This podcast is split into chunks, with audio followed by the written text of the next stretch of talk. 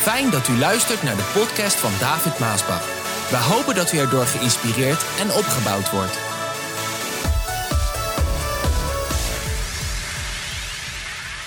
En ik ga lezen uit Hebreeën 10, vers 19. De Hebreeën schrijver zegt, omdat Jezus zijn leven en zijn bloed voor ons heeft gegeven, broeders en zusters, mogen wij bij God komen. Een andere vertaling zegt, ga dan naar binnen, ga in, mogen we bij God komen. Omdat Hij zich voor ons heeft opgeofferd, is er voor ons een nieuwe weg. Onthoud dat. Je mag binnengaan, uitnodiging. Er is een nieuwe weg naar het leven gekomen. Dwars door het gordijn heen dat het allerheiligste van het heilige scheiden. En dat gordijn is zijn lichaam. Ik had vorige keer onlangs nog gezegd, ik ga iets zeggen over de tabernakel. En daar ga ik vandaag iets over zeggen. En ik begon met deze tekst uit het Nieuwe Testament, uit de brief van Hebreeën. Waarin de Heere zegt, kom binnen. Er is een nieuwe weg naar mij, een nieuwe weg naar het leven. Kom het heiligdom binnen. En de vraag is dus, wat is dat heiligdom? Hoe zag dat eruit? Daar ga ik zo dieper op in. 1500 jaar, praten we voor Christus, 1500 jaar, had God een heiligdom waarin hij woonde, maar waarin de mensen niet tot hem konden naderen. Het is belangrijk om dit te weten. Hij woonde hier op aarde onder de mensen in een heiligdom. Maar God is zo heilig dat er geen mens tot hem kon naderen. Geen mens kon binnengaan. Dat is wat de Bijbel zegt. Er, het was het verlangen van de Heere God om onder de mensen te wonen, om bij de mensen te zijn. Dat is het eigenlijk altijd vanaf Adam en Eva. Maar door de zonde kwam er scheiding tussen God en de mens en kon God niet meer vanwege zijn heiligheid bij de mensen wonen. En toch wilde God bij de mensen wonen. En daarom zegt hij in Exodus 25, vers 8, hij zegt, het volk moet een heiligdom voor mij maken zodat ik onder mijn volk kan wonen.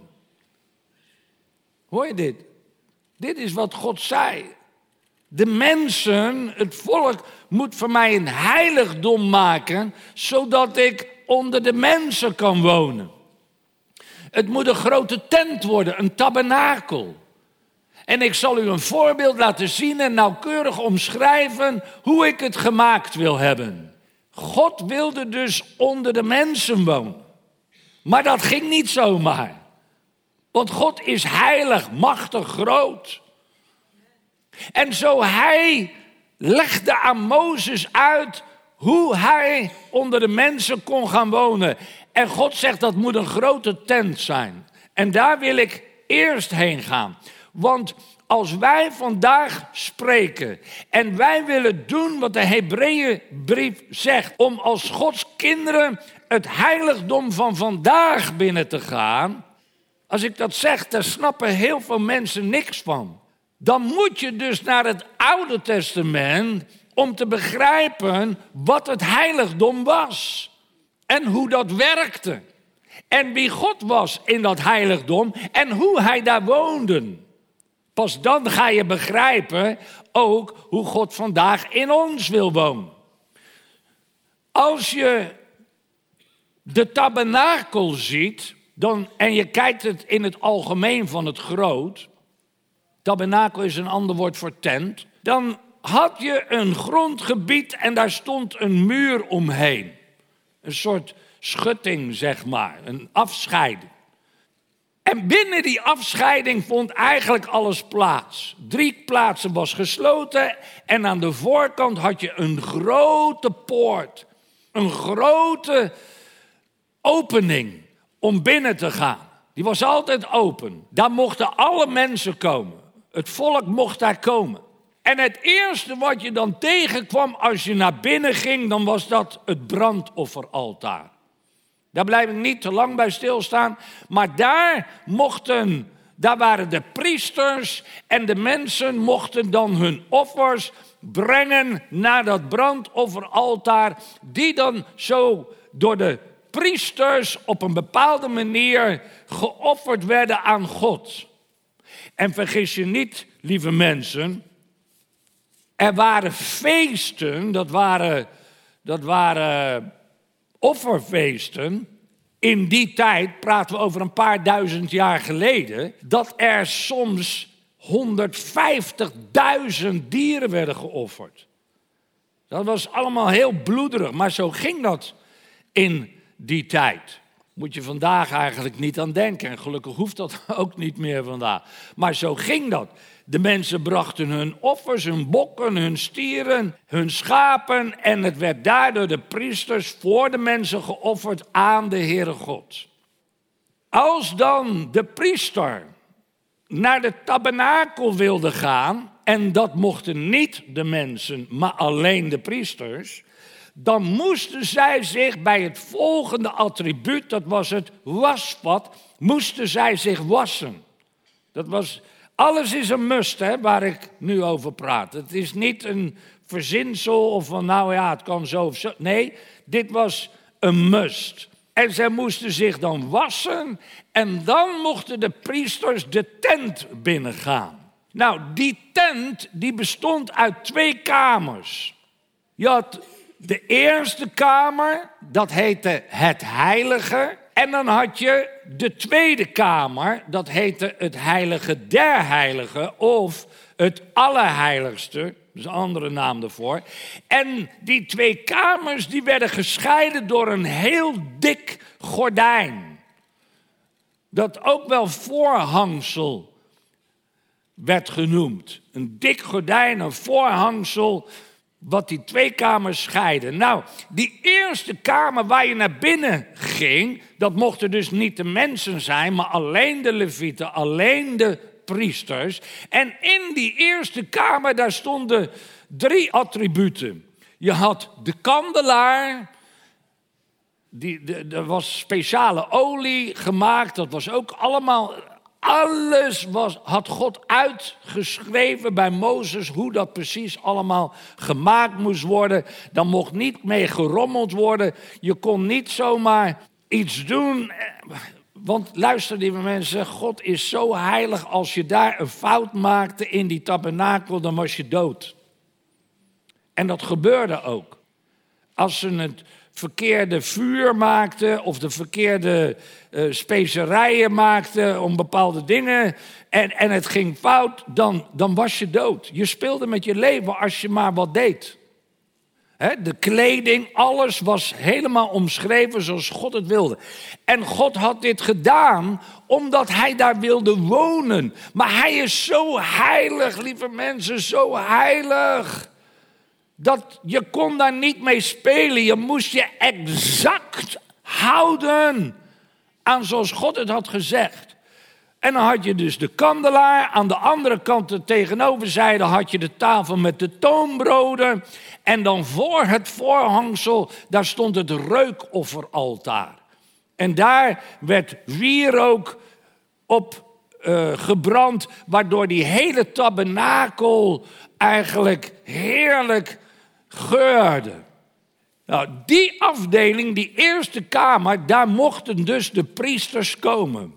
Maar die tweede kamer, voorbij dat voorhangsel, daar mocht niemand komen. Alleen de hoge priester, één keer per jaar, op die grote verzoendag, en dan niet zonder bloed. Als hij naar binnen ging, om door dat voorhangsel te gaan op die ene dag in het jaar, de verzoendag. Dat was zo'n grote dag daar. Dan al de gezinnen, hè, ze waren dan al met, wat is het, anderhalf, twee miljoen uh, mensen. En dan al de gezinnen waren bij elkaar. En die stonden dan rondom en bij hun tenten. En dan was het spannend, heel spannend Want de hoge priester ging dan die tweede kamer, het allerheiligste in, waar God woonde. Om verzoening te doen. En als hij maar iets verkeerd zou doen, dan zou hij dood neervallen. Die tweede kamer, die wordt dus het allerheiligste genoemd. Daar stond maar één attribuut. En dat was de ark des verbonds. Nou, en dat is waar we ook nog over gehad hebben, niet zo lang geleden. Die ark des verbonds, dat was een grote kist. Allemaal van goud. En op die kist, daar lag een verzoendeksel. In die kist, daar lagen de tien geboden, het kruikje met manna en de staf van Aaron die gebloeid had. Dan had je de verzoendeksel, die lag daarop. En dan die verzoendeksel had je twee engelen. Serups heet dat eigenlijk, engelen. En die engelen die stonden naar elkaar gebogen met hun vleugels zo bijna tegen elkaar aan. En precies onder die vleugels in het midden had je een plaatsje en dat noem je Shekinah. Dat is de plaats waar God vertoefde, waar God woonde. Lieve mensen, dat was zo heilig, die plek. Dat kan ik niet genoeg zeggen. Zeggen. Dat als men vertrok. Want, want dat was hoe de heerlijkheid des Heren daar in die, op die Shekinah kwam. Waar hij woonde in dat Allerheiligste. Dat als men vertrok, boven de tent, daar had je de wolkenkolom. En de vuurkolom. S'nachts een vuurkolom, overdags een wolkenkolom. En God daalde dan, als die tent was opgebouwd, hè, dan was God niet in de tent, want die werd opgebouwd door, door de priesters de kamers, de voorhangsel, attributen. De ark werd neergezet en, en, God was daar dan niet op dat moment, anders zou iedereen dood zijn. Zo God was daar dan niet. En als dan alles klaar was en het voorhangsel was dicht en het stond helemaal klaar, dan kwam God door de wolkenkolom naar beneden en dan begon dat, dat stukje Shekinah daar met vuur te branden. En dan vertoefde God daar. God woonde daar. En, en het moment dat zij de wolkenkolom zagen optrekken, weggaan, wisten ze, God is weggegaan. We moeten nu weer ergens anders heen. Dus dan werd de tent helemaal ingepakt, allemaal ingepakt, opgeladen. En dan gingen ze die wolkenkolom achterna. Hè, dan volgden ze God die wolkenkolom achterna. Totdat de wolkenkolom weer ergens bleef staan. En daar werd die tent weer opgebouwd, alles klaargemaakt. En als het dan klaar was met een groot feest, dan kwam God weer naar beneden. En dan woonde hij daar in het heilige der heiligen. En zo ging dat tientallen jaren, jaar na jaar. Zo trokken ze door de woestijn heen, met God in hun midden. En zo woonde God daar. Lieve mensen, dat was zo bijzonder het stond overal bekend dat Israël had een levende God. Een levende God. Nou, weet u wat nou zo mooi is? Dit bleef dus zo. Later is van die tent door Salomo een tempel gemaakt. Van hout of steen. Precies hetzelfde. Helemaal exact dezelfde principes hoe dat werkte met het heilige, het heilige der heilige voorhangsel. Maar het was niet meer een tent, het was een tempel van hout en van steen. Dat is een keer verwoest geweest. Babel heeft het ook weer eens uh, helemaal hersteld. Maar alles wat je daar dus in die tabernakel waar God onder de mensen woonde zag, dat was een afschaduwing van het ware heiligdom in de hemel en Jezus Christus. En toen, ik denk dat je dat wel weet, toen de Heer Jezus aan het kruis ging en de priesters gewoon in de tempel in het heilige aan het werk waren met de toonbroden, met, het, uh, met de kandelaar. En toen stierf Jezus als een offer voor de zonde. En toen hij uitriep, het is volbracht. Dat het offer gebracht was. Het ultieme offer voor de zonde van de mens. Waartoe hij geboren was, had de engel ook gezegd. De redder is geboren die de zonde van de wereld wegneemt. Johannes had het ook al gezegd. Zie het lam gods dat de zonde van de wereld wegneemt. Toen hij uitriep het is volbracht, zegt de Bijbel ons dat het voorhangsel, dat dikke gordijn, in de tempel scheurde van boven naar beneden. En op dat moment werden ineens die twee kamers werden één. Ineens stond je als mens, als priester in het heilige der heiligen en je stierf niet.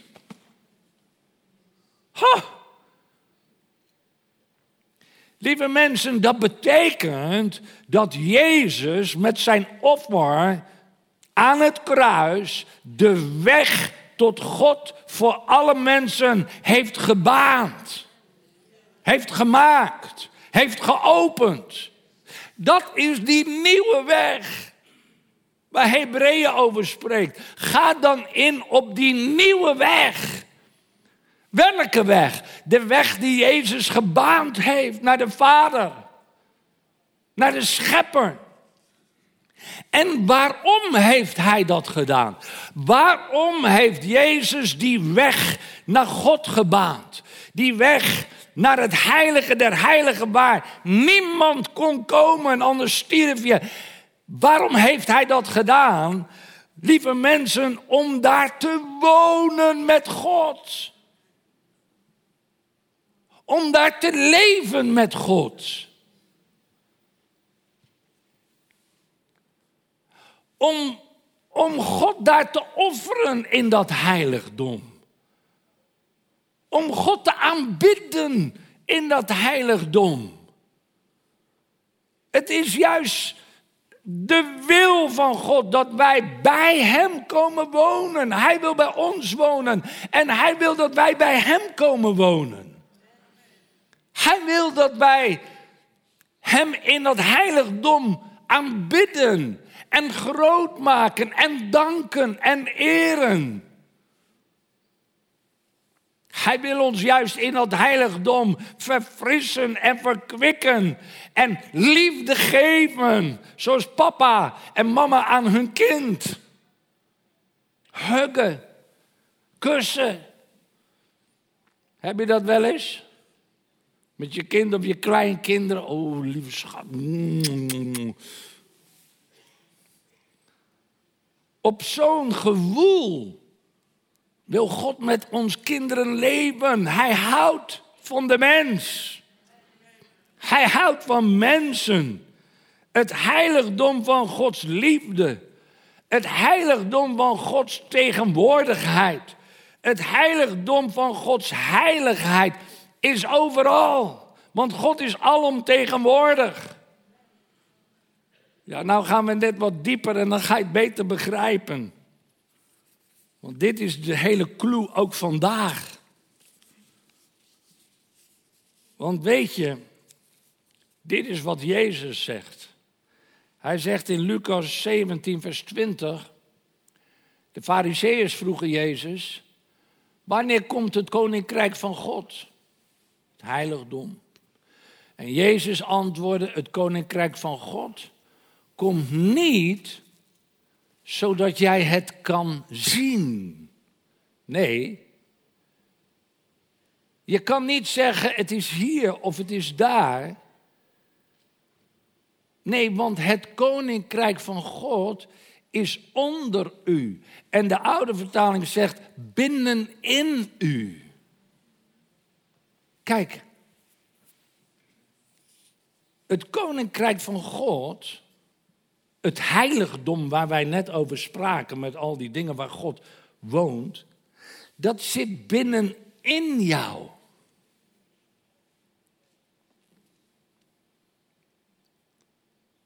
Snap je dit?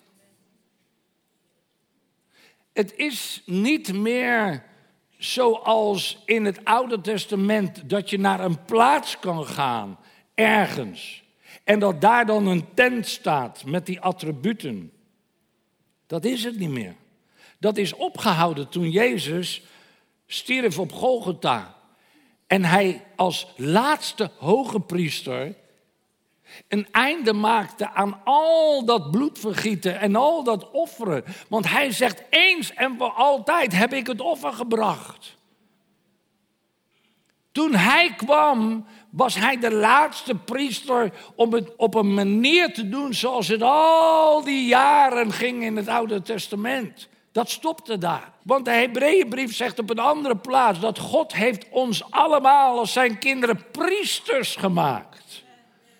En priesteressen om te dienen zoals de priesters in het Oude Testament, alleen niet meer in een tabernakel op een plek wat je kan zien, maar te dienen vanuit je binnenste, omdat daar het koninkrijk van God zit. Het koninkrijk van God zit binnenin jou.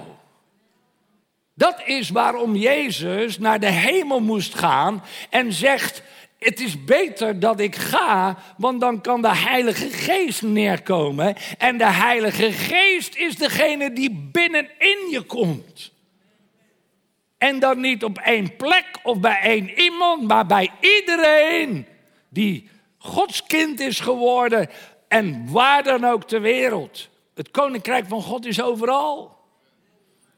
Onder alle mensen, of het nou in Amerika is, of bij de Indianen, of bij de Afrikanen, of bij de Indiërs. God is overal. En het koninkrijk van God is overal. Het zit binnenin je. Binnenin je, daar zit de soort van poort naar de hemel. Het zit binnenin je. God woont in jou. Hallo, weet jij niet dat jouw lichaam een tempel is van de Heilige Geest? God woont in jou. Dus vanuit jouw binnenste heb je een poort naar de hemel. Net zo goed als de andere kant. Er zijn in heel wat mensen in hun binnenste tempels van de duivel. En zij hebben een poort in hun binnenste naar het rijk der duisternis. Zo hebben zij contact met het rijk der duisternis. En wij, wij hebben contact met de hemel. We hebben contact met God. Hij woont binnenin jou, lieve mensen. En als je dit gaat beseffen, dan kom je dan ga je veel meer begrijpen de uitspraken die ik in de afgelopen tijd heb gedaan. Waar sommigen misschien moeite mee hebben. Maar je gaat het veel meer begrijpen, want wat vuil is, wordt vuiler. En die heilig is, bewijzen meer heiligheid. Die twee worden steeds duidelijker. Je gaat dit steeds duidelijker zien. De duisternis en het licht en de scheiding daartussen. Er is geen mens die het heiligdom van God kan binnengaan. Luister, is God dan anders? Want dat is wat sommigen denken, dat de God van het Nieuwe Testament een andere God is dan de God van het Oude Testament. Ja, want het Nieuwe Testament, daar praat men over de God van liefde. Het is allemaal liefde, liefde, liefde. Maar lieve mensen, de God van het Oude Testament is hetzelfde als de God van het Nieuwe Testament. De God van de heiligheid in die tabernakel is hetzelfde vandaag. Het is geen andere God. We praten niet over een andere God die veranderd is.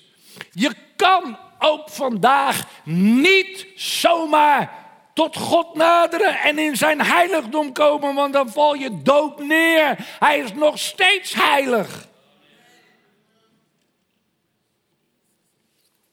God is nog steeds zo heilig. Daarom zegt hij: Wees heilig, want ik ben heilig. Lieve mensen, daar snapt de wereld geen snas van. Theologen ook niet, de meeste dan. Dit begrijpen ze niet, dit punt, maar dit is waar het allemaal om draait. Dit is waarom die uitspraken er ook zijn. Dit is waarom God zegt: bekeer je. God is nog altijd even heilig als in het Oude Testament vandaag. je valt dood neer als je als zondig mens zo tot hem gaat. Dat is waarom Jezus kwam. Dat is waarom Jezus kwam. Dat is waarom wij het bloed hebben.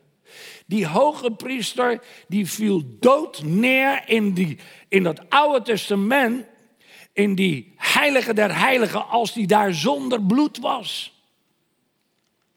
Weet je hoe het ging, hoe de geschiedschrijvers het schrijven? Het was zelfs zo spannend dat als die ene man, die hoge priester, dat heilige der heiligen binnenging met bloed, dan hadden ze een touw met belletjes om zijn enkel gebonden, zo onder het voorhangsel door, dat als er iets fout ging en hij viel dood neer, dat ze hem zo onder dat gordijn konden terugtrekken. Zo heilig. Zo heilig was God, daar kon je niet mee spelen. Heilig, heilig, heilig, roepen de oudsten in de hemel voortdurend. Heilig, heilig, heilig. Wij zijn niet in staat om tot God te gaan zonder het bloed van Jezus Christus, wat ons reinigt van alle zonden. Je hebt ook mensen die misschien zich te min voelen en denken: ik ben zo slecht geweest. Ik heb zoveel fouten gemaakt. Ik heb zoveel zonden gedaan. God zal me wel nooit accepteren.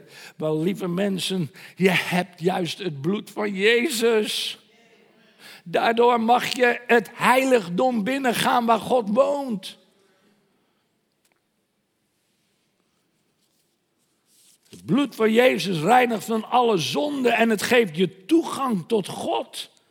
Het bloed heeft al jouw zonden teniet gedaan. Uitgedelgd, weggewassen. Dat is wat het bloed doet. Als jij tot God gaat en je komt tot Hem, door het bloed van Jezus wat je hebt aanvaard. Dat betekent, het klinkt allemaal misschien bloederig, maar het betekent dat je Jezus Christus hebt ervaard als jouw redder en verlosser. En dat jij weet, ik heb Jezus nodig om de hemel binnen te gaan, om, om tot God te naderen, om in de kerk te zijn en God te aanbidden. Ik heb Jezus nodig. Lieve mensen, je kan niet zonder Christus Hem aanbidden. Wat velen doen. Kan niet. Daarom zeg ik, het kan niet allemaal. God is heilig. Je kan, je, je kan, zie je, dat heiligdom zit binnenin jou. Dat betekent dat jij, die binnen in dit lichaam woont, woont in dat heiligdom met God. Dat lichaam, dat lichaam, dat ben jij niet. Dat is alleen maar een uiterlijk, een uiterlijk herkenningspunt dat ik weet. Oké, dat is Gabriel, dat is Steven, et. Irene, Michelle. Dat is hoe ik jou herken. Maar dat ben jij niet, want dat, dat lichaam, dat keert straks, dat wordt ouder, mank en dat keert tot stof weder. Nee, jij woont in dat lichaam.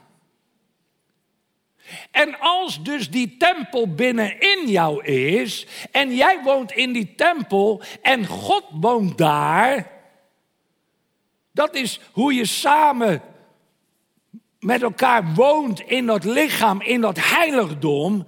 Lieve mensen, dan kan je niet in die tempel alles maar toelaten. Vandaar dat de Heere God zegt: wees heilig. Je, kan niet alles maar toelaten in die tempel. In het Oude Testament stierf je.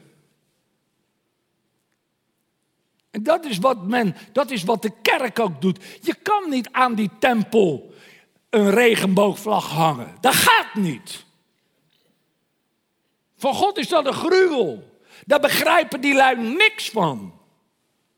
Ja, maar ze moeten toch erkend worden en een plek hebben. Dan zeg ik ja, dat kan. Heel Nederland kunnen ze een plek hebben. Maar niet in de kerk en niet in mijn huis. Want ik en mijn huis, wij zullen de Heer dienen. Het moet de tempel niet binnenkomen.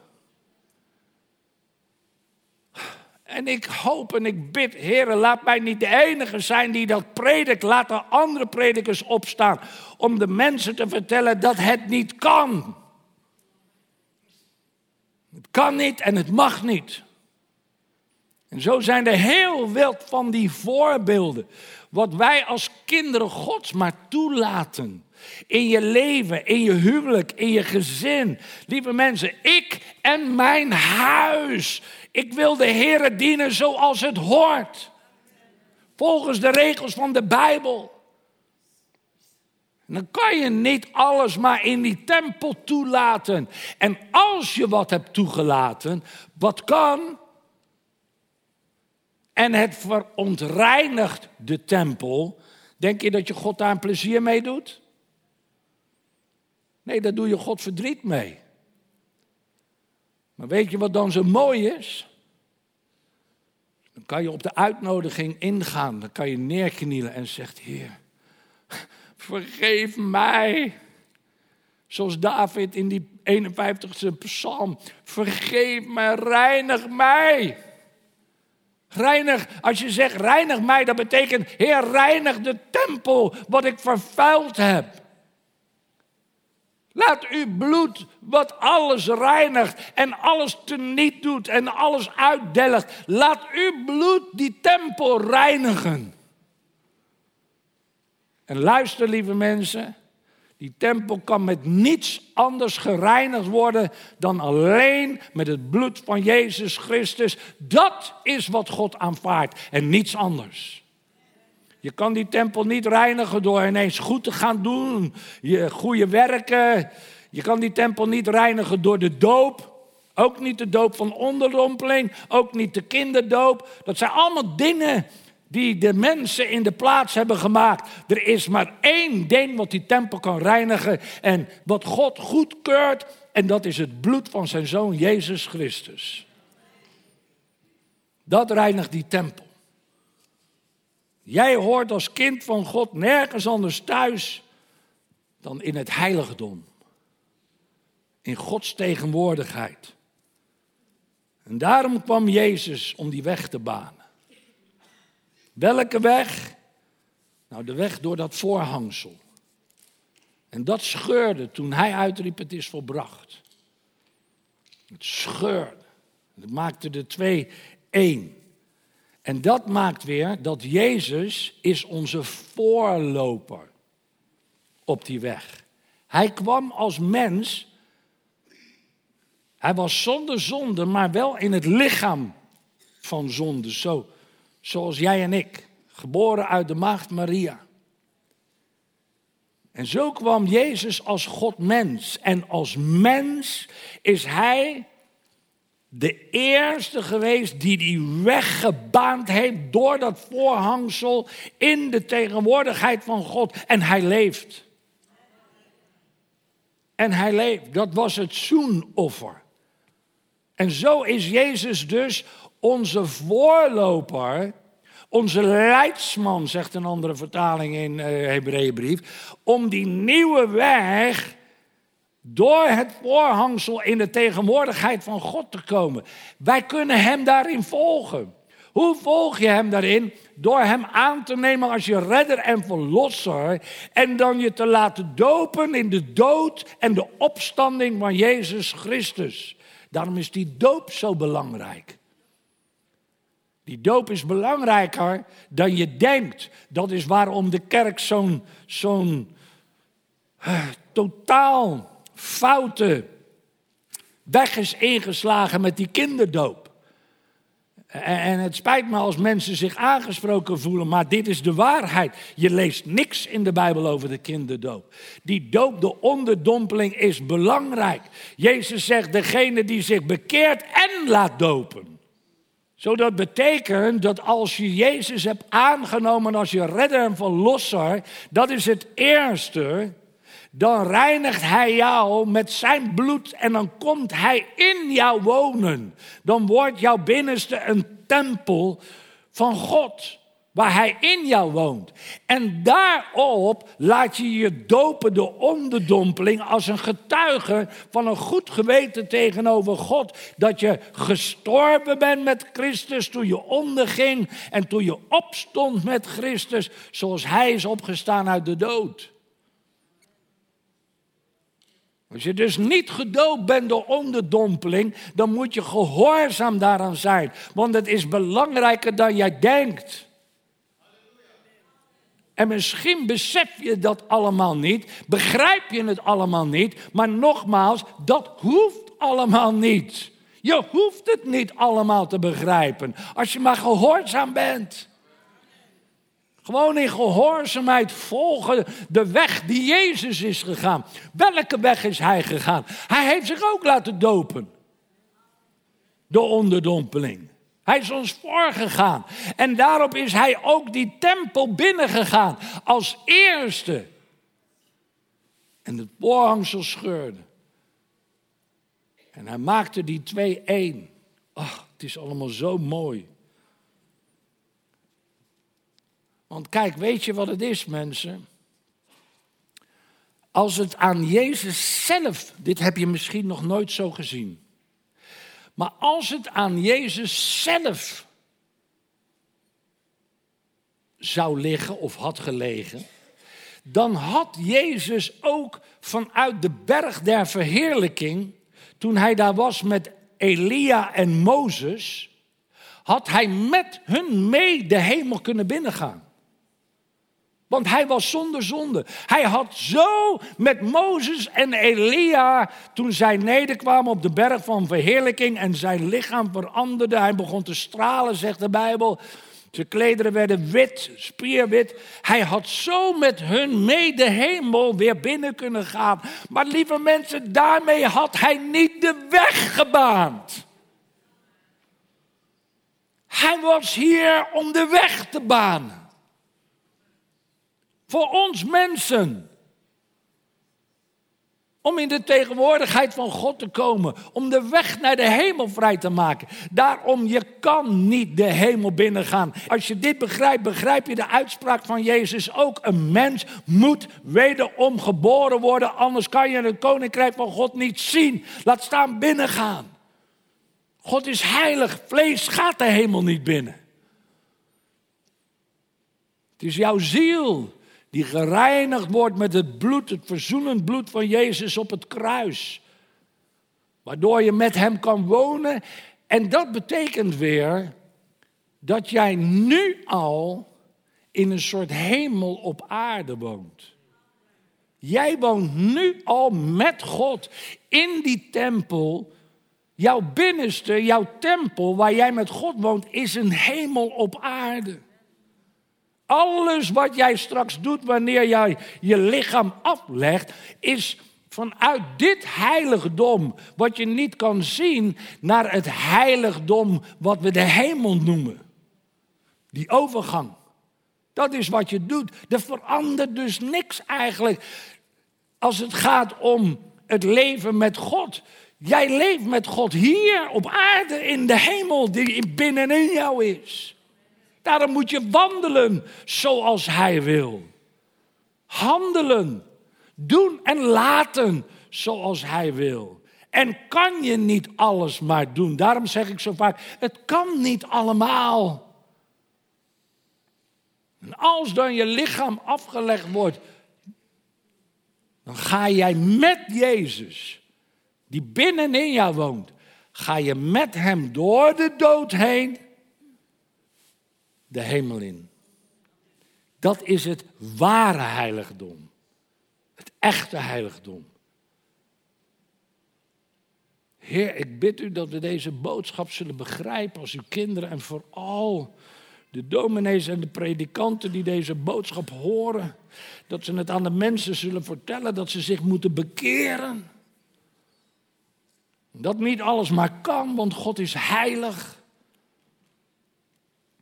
Ik ben zo blij voor het bloed van Jezus, wat de weg heeft gebaand en hij is ons voorgegaan. En hij wil met ons wonen bij de Vader, in dat heiligdom wat binnenin ons is. ik bid, Heer, degene die hun leven willen toewijden op dit moment, dat u hun hart kent. U kent hun hart. U zegt dat u ons binnenste kent. U weet wat in ons binnenste is. Ja, Heer. En zo bid ik dat er nog velen tot bekering zullen komen. Daarom bid ik dat deze boodschappen nog veel meer uitgedragen zullen worden door nog veel meer predikers die hun stand zullen innemen. Die de mensen de waarheid zullen vertellen. En de Bijbel die leert ons dat iedereen die God aanroept, zal de Heer horen. Zal de Heer vergeven. Wie ook bent. Wat je ook gedaan hebt. Hoe slecht je ook bent geweest. Het bloed van Jezus Christus reinigt van alle zonden.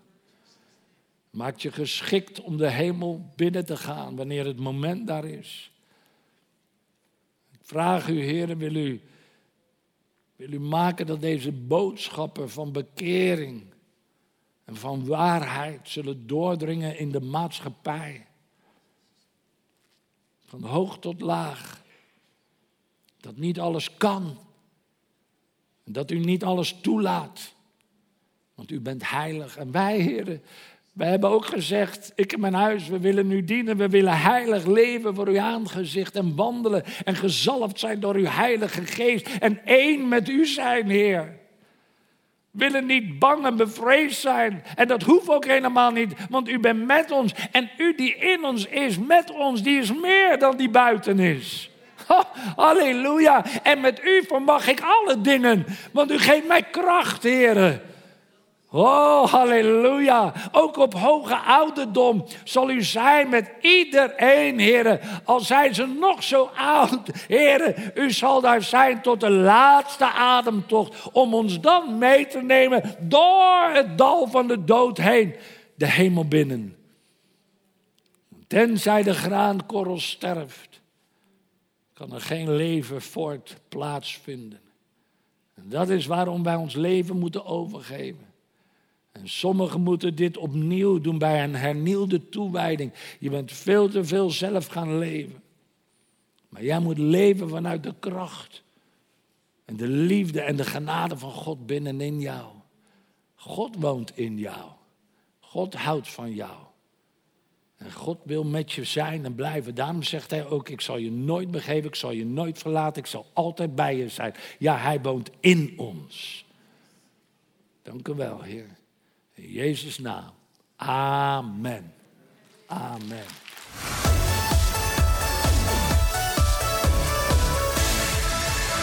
Bedankt voor het luisteren naar deze podcast. Wilt u meer preken beluisteren? Ga dan naar message.maasbachradio.com. Bezoek ook eens onze website www.maasbach.nl